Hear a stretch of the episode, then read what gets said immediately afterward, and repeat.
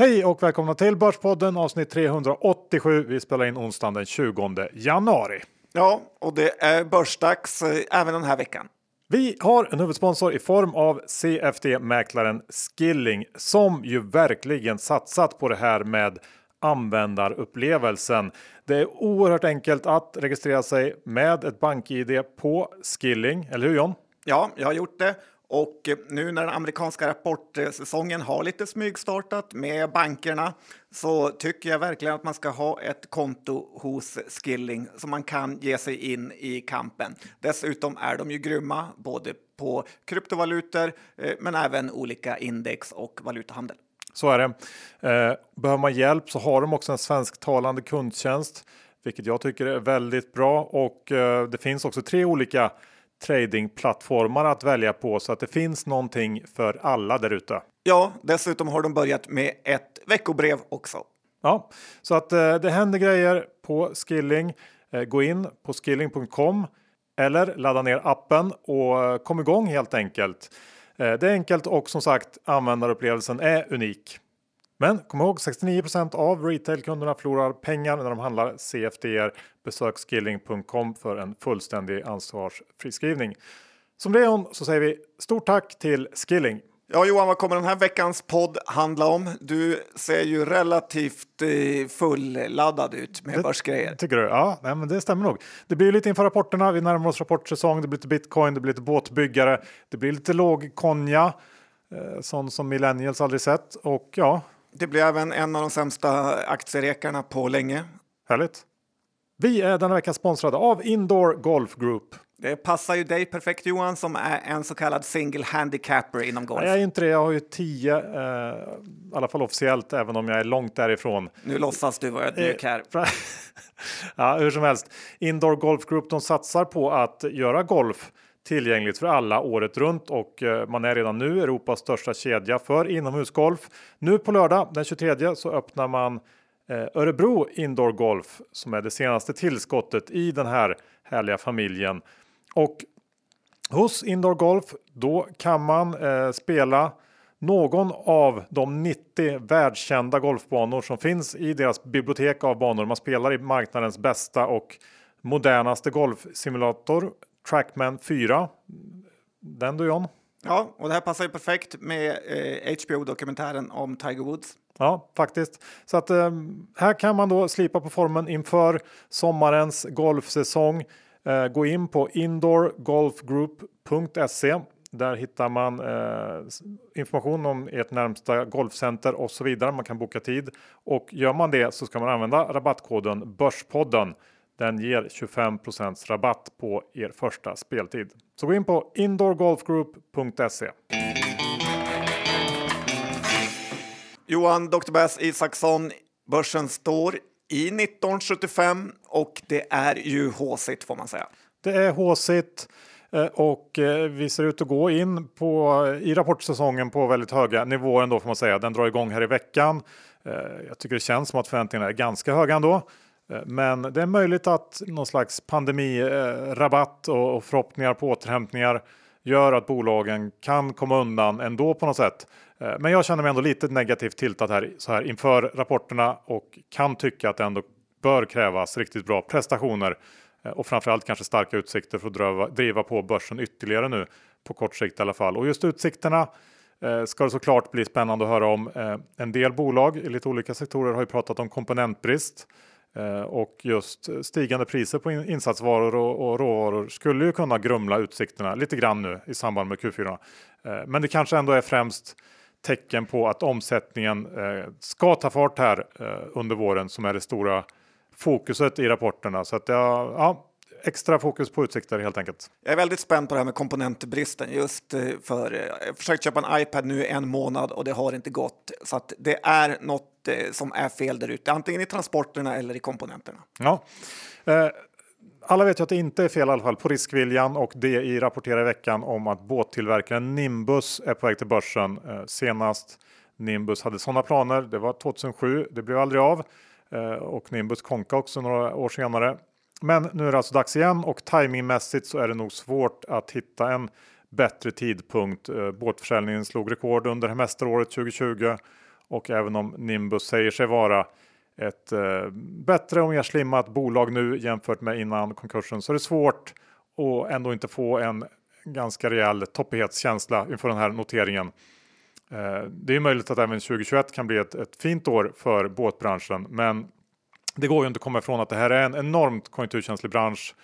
Uh, och uh, jag tycker det ska bli spännande att se vad familjerna Fjoknik och Harald Mix som hör till ägarskaran idag kan få för pris för det här bolaget på börsen. Ja, och vem som vill investera i det. Vi har sett på till exempel bolag som Kabe att det inte alls är så eh, lyckosamt jämt. Dessutom tycker jag en lite kul grej är ju från den gamla goda tiden på 2007 när eh, bastubolaget Tylö, du känner till dem? Ja var ju också väldigt nära att gå i konkurs, eller om de till och med gjorde det. Medan tittar man på det här finska bolaget Harvia nu, som är ju absoluta, eh, stiger varje dag och tar nya all time highs, för det är ju hypat inom hemmafixmarknaden. Så att eh, det kan verkligen svänga mellan konkurs och vara ett eh, toppbolag. Så att det gäller att vara kanske försiktigare än man tror att köpa de här extrema håsbolagen på en högkonjunktur. Mm, jag håller med. Något det också svängt kring är ju åsikterna när det gäller Avanzas fond Avanza Zero.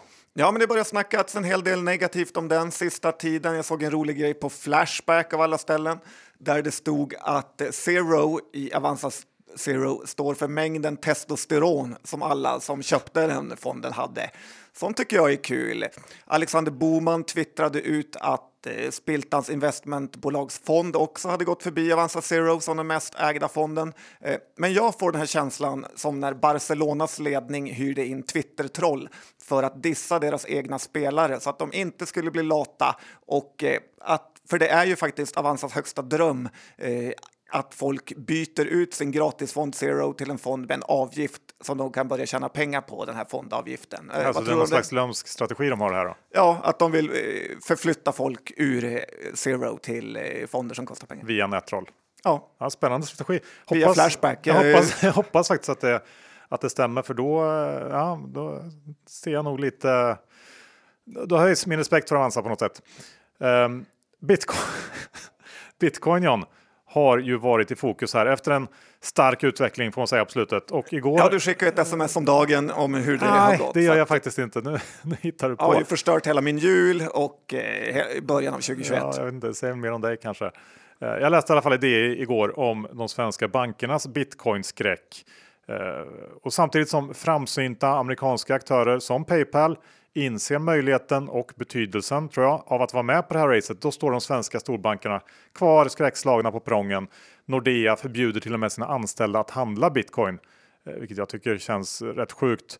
Eh, men de har väl någon typ av PTSD sen alla penningtvättshärvor då man utan problem hjälpte ja, bland annat ryska oligarker att tvätta blodspengar. Men då handlar det ju om helt vanliga pengar, så kallade fiat, fiatvaluta, precis som det gör i 99,9% av fallen i all global penningtvätt, knarkhandel och så vidare och så vidare. Och just de här argumenten mot bitcoin dyker ju upp med jämna mellanrum. Eh, jag tycker att de är helt feltänkta och ser det som någon typ av wall of worry som man får vara med och klättra över som bitcoinägare. Ja, det är möjligt. Jag tycker mest man borde oroa sig för alla de här nyheterna om folk som har tappat bort sina bitcoin på hårddiskar och allt vad det heter. Att en valuta ska kunna byggas på ett system där man kan tappa bort sina pengar för all framtid tycker jag är lite konstigt. Men när det inte finns några pengar kvar om tusen år är det lite jobbigt. Nej, men, det, kom, det, det, det eh, byggs ju och lanseras ju tjänster, custodian-tjänster som gör det mycket enklare att hålla sin, eh, sina bitcoins Eh, utan att vara rädd för att tappa bort lösenord och, och stickor på det sättet. Så visst, då har de poäng i. Eh, vi går över till eh, eh, låg konja, för det finns ju det trots allt i vissa branscher. Ja, men det är ju ett ord som många millennials aldrig har fått höra egentligen, förutom att de kanske har läst det i historieböckerna. Och eh, jag tycker faktiskt att eh, varken de eller centralbankerna ska vara så ofantligt rädda för en liten lågkonjunktur då och då. Eh, jag fick förresten höra av en millennial i dagarna när jag gnällde på några av mina aktier som inte gick upp eh, så sa den personen lugn John, allt går upp, det tar bara olika lång tid. Eh, jag blev lite paff över de visdomsorden, för jag är mer inne på Bråses linje att eh, fler aktier går till noll än till oändligheten. Så att det är två olika skolor där. Eh, men det jag vill komma till är ju att eh, eh, det här med lågkonjunktur inte bara för med sig dåliga saker. Tar man en sektor, som i och för sig inte Peter Benson vet vad det är eller låtsades om som han visste vad det var, lite konstigt eller? Ja, det var väl inte riktigt så. Ja, du, ska alltid, du kommer inte få något jobb Johan, på, eh, hos eh, andra. Men vi kan ta det här med artistsektorn eh, som har ju brutal lågkonjunktur nu. Och det ger ju möjligheter för andra att eh, fynda. Till exempel att Hellacopters och Tåström var orkestern i På spåret. Det hade ju aldrig hänt om det inte var helt dött på artistmarknaden. Det var inte lättvindigt som Dregen klev in i På spåret-studion och spelade covers till musikfrågan kan jag säga. Eh, det krävdes ju några månaders svält, eh, men det är kul för svenska folket att priserna går ner på vissa saker. Ja, det för något gott med sig. Eh, hur är det nu då om man har gjort en riktig superhacka på börsen som många har gjort? Vad ska man göra? Nej, men jag skulle vilja rekommendera folk som förmodligen är smartare och betydligt rikare än mig, men att eh, ta en del av pengarna från bordet efter de här enorma uppgångarna vi sett. Till exempel om jag vore Anders Ström så skulle jag sälja aktier för en 500 mil för att säkra hem många, många generationer ekonomiskt framöver för en släkt eller till exempel Evolution-gänget eller Sinch-gänget. Eh, och eh, det finns en bra story från Solvalla som jag vet att du känner till Johan där en kompis till Johan Stahl von Holstein berättade att eh, när det gick som bäst för honom så sa hans fru att eh, ska vi inte safea hem lite pengar ifall det händer något? Och det var ju under den här perioden då Icon Media Lab var som mest hypat och sinnessjukt högt eh, värderade. Eh, Johan Stahl von Holstein frågade då sin fru att ungefär hur mycket pengar tror du vi behöver för att aldrig mer behöva bekymra oss om något? Och då hade hon sagt ja, ungefär 200-300 miljoner. Eh, då hade 400 sa hon faktiskt. 400, okej. Okay. Ja, mm. Lite eh, high maintenance eller vad säger man. Ja. Eh, men då hade Stahl von Holstein då börjat skratta och så hade han sagt men älskling, så lågt kan det aldrig sjunka. Eh, men det kunde det och eh, det är nog många fler än Johan och andra som ångrar att de inte tog det lite lugnare under sina storhetsperioder. Eh, så bara ett gratis tips här faktiskt. Det finns en anledning till det här ordspråket, ordspråket en fågel i handen. Vi är den veckan sponsrade av Omni Ekonomi och det här är en tjänst som jag använder dagligen. Jag brukar eh, börja dagen med att ta upp appen för att kolla vad som har hänt runt om i världen. För Omni Ekonomi har faktiskt en heltäckande nyhetsbevakning eh, av allt relaterat till marknaderna och börsen och bolagen såklart. Eh, rappa och de sammanfattar allt från svenska och internationella affärsmedier eh, med tydliga utlänkningar också till ursprungskällorna. Ja, och det kommer bli väldigt kul att ha här under rapportperioden då de är väldigt snabba på att eh, plocka fram det som är viktigt. Ja, och vi eh, fortsätter med det här superdealen eh, tillsammans med Omni Ekonomi. Som lyssnare på Börspodden så får man två månaders helt gratis medlemskap eh, utan några förpliktelser och utan automatisk förlängning. Eh, det normala priset här är 159 kronor i månaden. Eh, så eh, ja, gå in på bordspodden.omni.se och ta del av det här erbjudandet från Omni Ekonomi. Jan, vet du vad som händer på torsdag? Ja, då kommer rapporter på Avanza och på Sandviks eh, fjärde kvartal, eller hur? Ja, precis. Och eh, Sandvik är väl det kanske eh, mest intressanta av de bolagen, i alla fall för börsen i stort. Eh, och också det som man får säga drar igång rapportsäsongen på allvar imorgon då på torsdag. Eh, och Sandviks aktie har ju gått sinnessjukt starkt sista månaderna och är upp bara, bara i år 10% ungefär. Eh, handlas på ATH-nivåer och eh, tittar man på vad som har hänt så har vi på plussidan eh, något slags generellt ökat förtroende för Sandvik och en tro på att bolaget de sista åren höjt sig ett par snäpp marginalmässigt och konsensus verkar också vara att man bevisar det här med sin motståndskraft under nedgången som pandemin skapade. I och för sig med ganska mycket hjälp då från med permitteringar och sånt, men det verkar man inte riktigt bry sig om. Det finns också förhoppningar på fler förvärv framöver gärna inom mjukvara och tittar man på bolagets slutmarknader så har vi en gruvsektor bland annat som är inne i en återhämtningsfas och det eh, ska driva på efterfrågan framöver. Eh, på den negativa sidan så har vi valuta mot vind och som jag var inne på i början här möjligtvis problem med dyrare insatsvaror, även om det kanske inte syns i Q4. Eh, men med det sagt så finns det ändå en hel del förväntningar på bolaget framöver. Eh, kanske inte på eh, att just Q4 ska bli så enormt bra, men eh, ändå att det ska ta fart härifrån.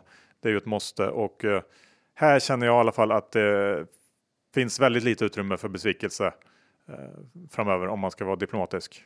Ja, men jag tycker det är spännande det du säger att de går mot eh, mjukvara. Lite kanske man skulle försöka få Sandvik till ett Eh, hexagonbolag och kunde nästan dubbla multipeln här. Och de har alltid varit lite billigare än Atlas, så att man känner väl alltid att Sandvik ändå har uppsida om de skulle lyckas. Och eh, stort cred till eh, Björn Rosengren som har förvandlat det här bolaget som var lite utan framtid till ett toppbolag. Ja, men så är det ju. Absolut. Sen har vi Avanza, rapporterar också på torsdag och i början av januari här fick vi månadsstatistik för december och den visar på fortsatt rekordstark kundaktivitet. Eh, det genomsnittliga antalet avslut per dag ökar med 156 procent jämfört med året innan. Vi är inne i någon slags monster retail hås. Det är bara att konstatera och eh, decemberaktiviteten var också nästan 10% högre än under den tidigare toppen här i mars. Så att eh, vi är på rekordnivå nu. Det är väl på något sätt också inprisat i Avanzas aktiekurs. Q4 kommer att bli jättebra. Eh, men frågan är väl vad som ska driva på den här aktien framöver. Eh, jag känner att det kan vara läge för en liten paus i Avanza. Även om det ser ut som att högtrycket på börsen fortsätter under inledningen av eh, 2021. Och historiskt sett så har det också alltid varit någon typ av varningssignal när aktieintresset är så enormt utbrett som det är just nu och det får man på något sätt ha med sig i bakhuvudet om man är en Avanza-ägare. Ja, jag tyckte det var lite kul det Peter Benson sa att eh, det är för första gången sedan nästan 2000 att retail-kunderna eh, driver aktiepriserna. Så att det är ju ofattbar hås för Avanza. Även bitcoin-håsen har ju inte varit dåligt för dem. Tittar man på bitcoin så omsätts det för 50-60 miljarder dollar eh, om dagen i den valutan. Och eh, Avanzas del är väl förmodligen väldigt liten, men den är nog ganska bra för dem ändå. Jo, absolut. Eh, på tal om någonting som det har varit hås i så har vi ju CD-ON, John, som har gått väldigt, väldigt starkt. Ja, men det kan man ju säga. Och eh, det blev ju lite pinsamt här kan man tycka för affärsvärlden och gänget där som så sent som i slutet av förra året gav en sällsynt säljrekommendation på just eh, CD-ON och nu har den dubblats. Eh, jag tycker kanske att det var lite konstigt hur man kan säljreka en e-handlare inför Q4 när man står inför den största jul-e-handelsperioden någonsin i världshistorien. Men vi är alla olika.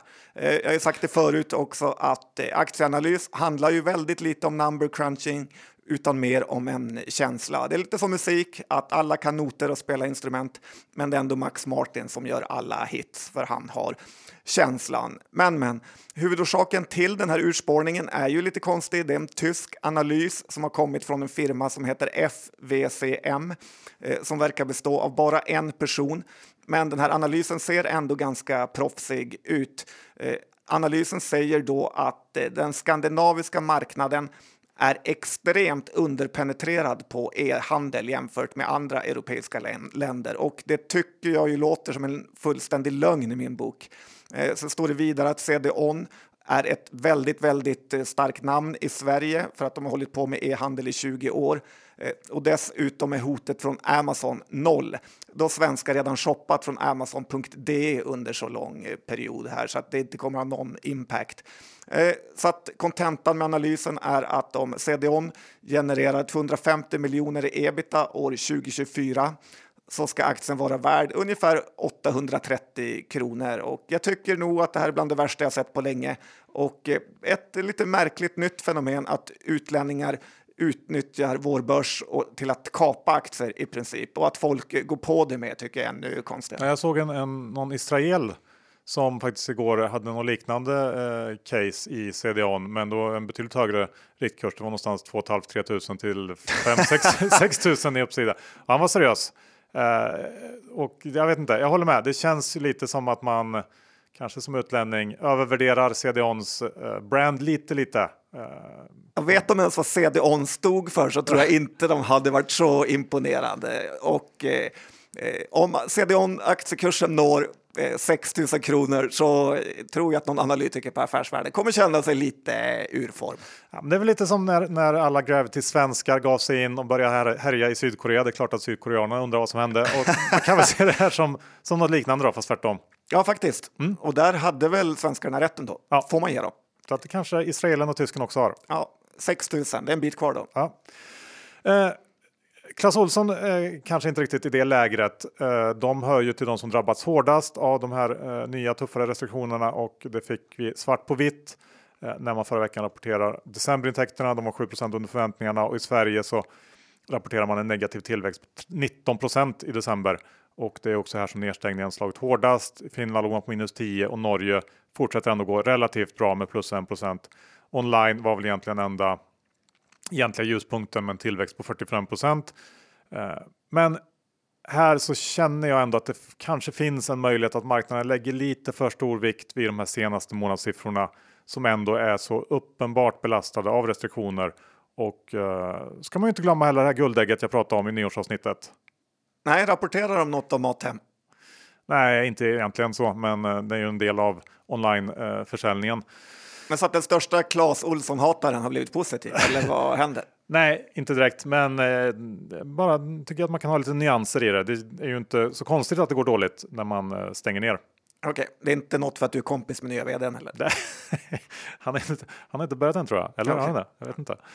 Um, vi går över till John Trelleborg som du konstigt nog vill prata om. Jag vet inte om du gjort det förut? Nej, men det tror jag faktiskt inte. Det var för övrigt en av de aktierna som räddade mig ur eh, finansiell härdsmälta 2008-2009 kanske.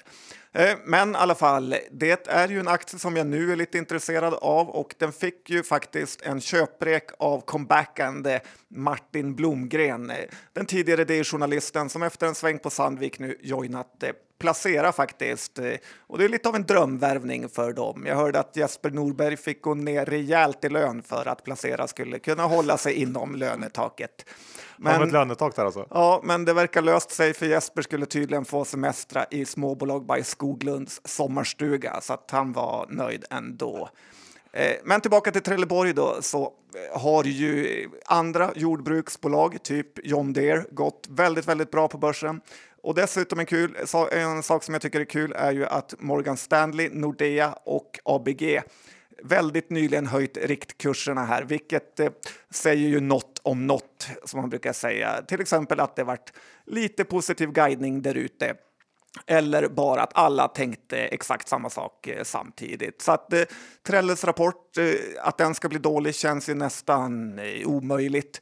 10 februari ska den släppas, så det finns ju faktiskt möjligheter till lite omvänd vinstvarning här också. Så att eh, Trelleborg kring 200-lappen tror jag är intressant. Ja, behöver inte vara fel alls. Um, ska vi ta Swedbank också när vi ändå håller på med tråkiga storbolag? Ja, men det kan vi göra och jag tycker ändå vi kan ta hela banksektorn här. För Swedbank meddelade ju igår att de ska dela ut pengar från 2019. Ålandsbanken har ju redan gjort en ganska stor utdelning här för 2020 och de båda bolagen har ju den gemensamma nämnaren att eh, före detta statsminister Göran Persson har varit inblandad i båda så att det verkar vara två välskötta bolag numera. Eh, och jag får lite en sån här biltillverkarkänsla i hela banksektorn nu att man kanske ändå ska plocka ihop en liten portfölj med ett knippe banker här, då nästan alla banker värderas till under P10. Vi har räntorna som vi sett sista tiden är på väg upp, vilket är väldigt, väldigt bra för bankerna. Eh, sen företagsdelarna går ju bra, bostadsmarknaden är het och eh, lite av det hotet som det har pratats om i tio år nu med från uppstickare har väl ändå uteblivit eller så är marknaden så pass stor att det inte märks riktigt när bankerna kan effektivisera otroligt mycket genom att lägga ner kontor och digitalisera eh, kontrakt och så vidare. Så att eh, när det kommer till kritan så har ju alla människor någon typ av husbank eh, som man då senare kanske kopplar samman med Klarna eller vad det nu är. Så att eh, och tittar man på sektorer återigen så är ju bankerna kanske den sektor som funnits längst av alla sektorer någonsin på börsen. Så att eh, jag ser nog att eh, P10 för bankerna är köpläge.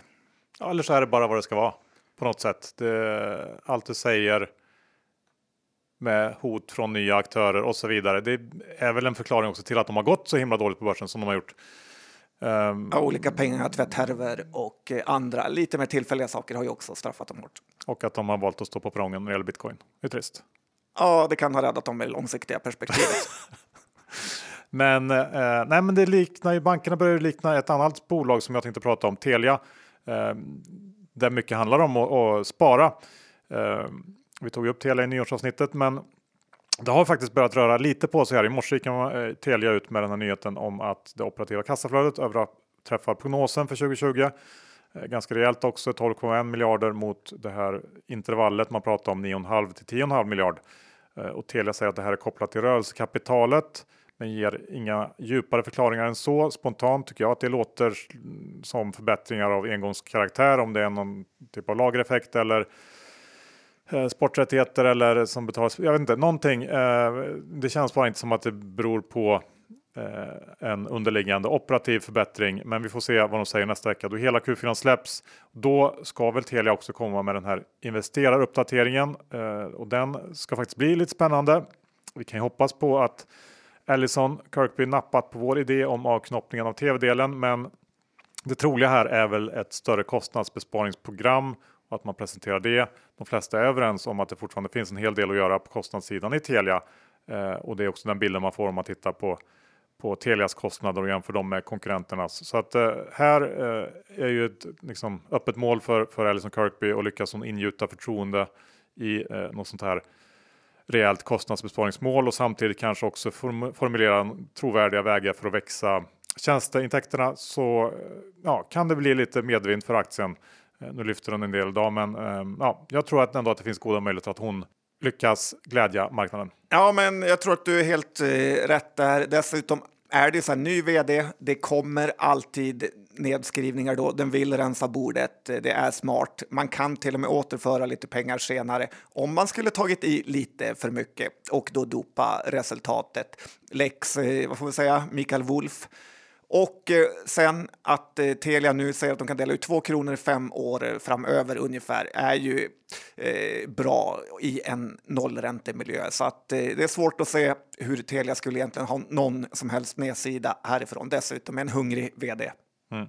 Och den här avknoppningen som vi pratade om. Ja, den kommer ju generera fruktansvärt mycket pengar. Ja. Du, Mobb, eh, Moberg Ja, de har ju tagit in 150 miljoner kronor nu för att bedriva fas 3-studie i USA för deras nagelsvampspreparat MOB 015 som numera är en klassiker. Eh, och det innebär ju att den här studien ska i princip göras om eftersom deras tidigare studie blev misslyckad genom att inte visa på fullständig läkning. Och eh, så ska man istället försöka snabba på Eh, att det ska gå att göra med kortare behandlingstid här. Eh, sen ska man skicka in en ansökan i H1 för MOB 015 eh, med den här studien som då redan är gjord. Men då får man sälja over the counter, alltså utan recept på grund av den kassastudien. Och då beräknar man att kunna börja sälja i Europa om det här blir godkänt vid 2023 och eventuellt i USA vid 2026. Och dessutom så ska de knoppa av en del som heter Buppi Eh, som då är ett bolag mot eh, smärtlindring för eh, cancer. Eh, caset eh, är ju att de kommer få så mycket pengar från sin Europaförsäljning att det kommer bli bra. Eh, och de har ju Bayer som deras Europapartner så det är lite upp till dem hur mycket Bayer väljer att satsa här faktiskt. Eh, jag tycker mycket låter bra, men det som gör det lite läskigt och konstigt är ju att Mr Wolpert inte tecknade sin del trots att han har plockat ut väldigt mycket pengar genom den här stora utdelningen som Moberg eh, gjorde för ett eh, tag sedan. Och att man nu inte väljer att teckna, eller no, nästan några insiders väljer att teckna sin fulla del på nästan konkursvärdering här är ju väldigt oroväckande. Volpert är ju en håsare av rang, eh, fast han visar inte med plånboken. Så att det är lite radiostyrda pilotskolan här. Ja, men jag håller med dig. Volpert har ju en väldigt tydlig eh, jag älskar pengar-aura. så att eh, om inte han är med så eh, förstår jag inte varför man ska vara med. Nej. Eh, ska vi avsluta med Greater Than? Eh, Kiel-favoriten. Eh, Där han har gjort bort sig ganska så ordentligt hittills Ja, nej, jag tror att de är ganska fruktansvärt mycket in the money där. De har väl investerat väldigt tidigt i Greater Than. Jo, men nu tänkte jag på tweeten när han skrev eh, att han har aldrig sett ett så bra bolag på när aktien stod i 114 och så gick den ner till 70. Ja, jag vet inte, det är väl inte ett... Nu luktar det hedgefondjobb igen. Det är så trist att se det här. Nej, men jag vet inte om man kan bedömas på liksom veckobasis när man ska utvärdera casen. Jag håller inte med dig, men, men eh, vi får se vad som händer för det, det har hänt grejer i Greater Than den här veckan. Detta har hänt. Ja, de är ju, vet du vad de håller på med? De är ju verksamma inom det som kallas insurtech och mer exakt så har man utvecklat en AI som baserat på massa kördata förutspår risken för olyckor och bilskador och så vidare. Och det ska hjälpa försäkringsbolag med bättre prissättning av premierna. Eh, potentialen är enorm här, men än så länge så lyser intäkterna med sin frånvaro, eh, Eh, vilket också gör att det här bolaget behöver ta in kapital med jämna mellanrum. Och det tar oss till veckans nyhet eh, eftersom man gick ut med att man fått in den finska finanselitfamiljen eh, får man säga, eh, Ernroth som ny ägare via en riktad emission på 136 miljoner.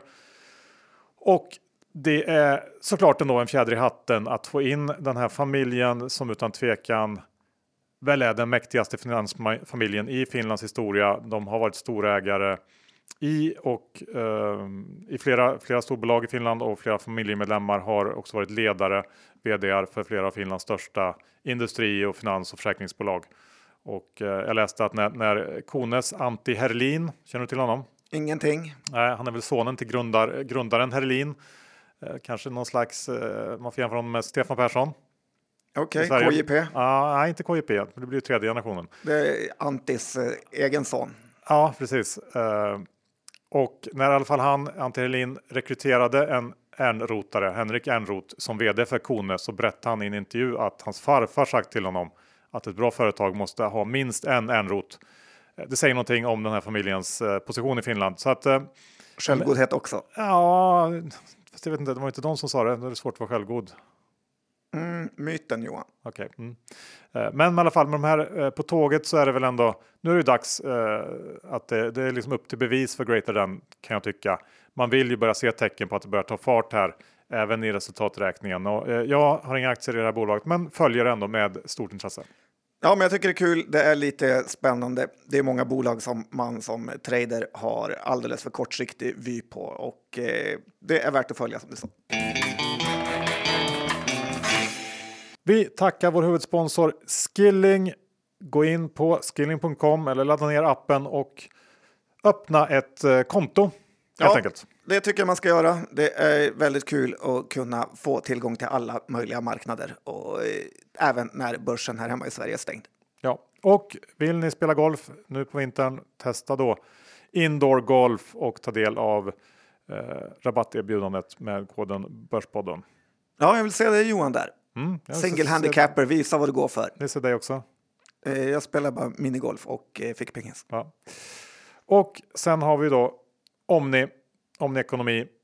Där har vi det fina erbjudandet med två månader gratis om man går in på Bordspodden.omni.se. Testa det också. Hur är det med innehav den här veckan John? Idag har jag ingenting av det vi pratade om. Uh, nej, inte jag heller uh, faktiskt. Bra, då säger vi tack för oss. Vi hörs om en vecka igen. Ha det fint. Hej då!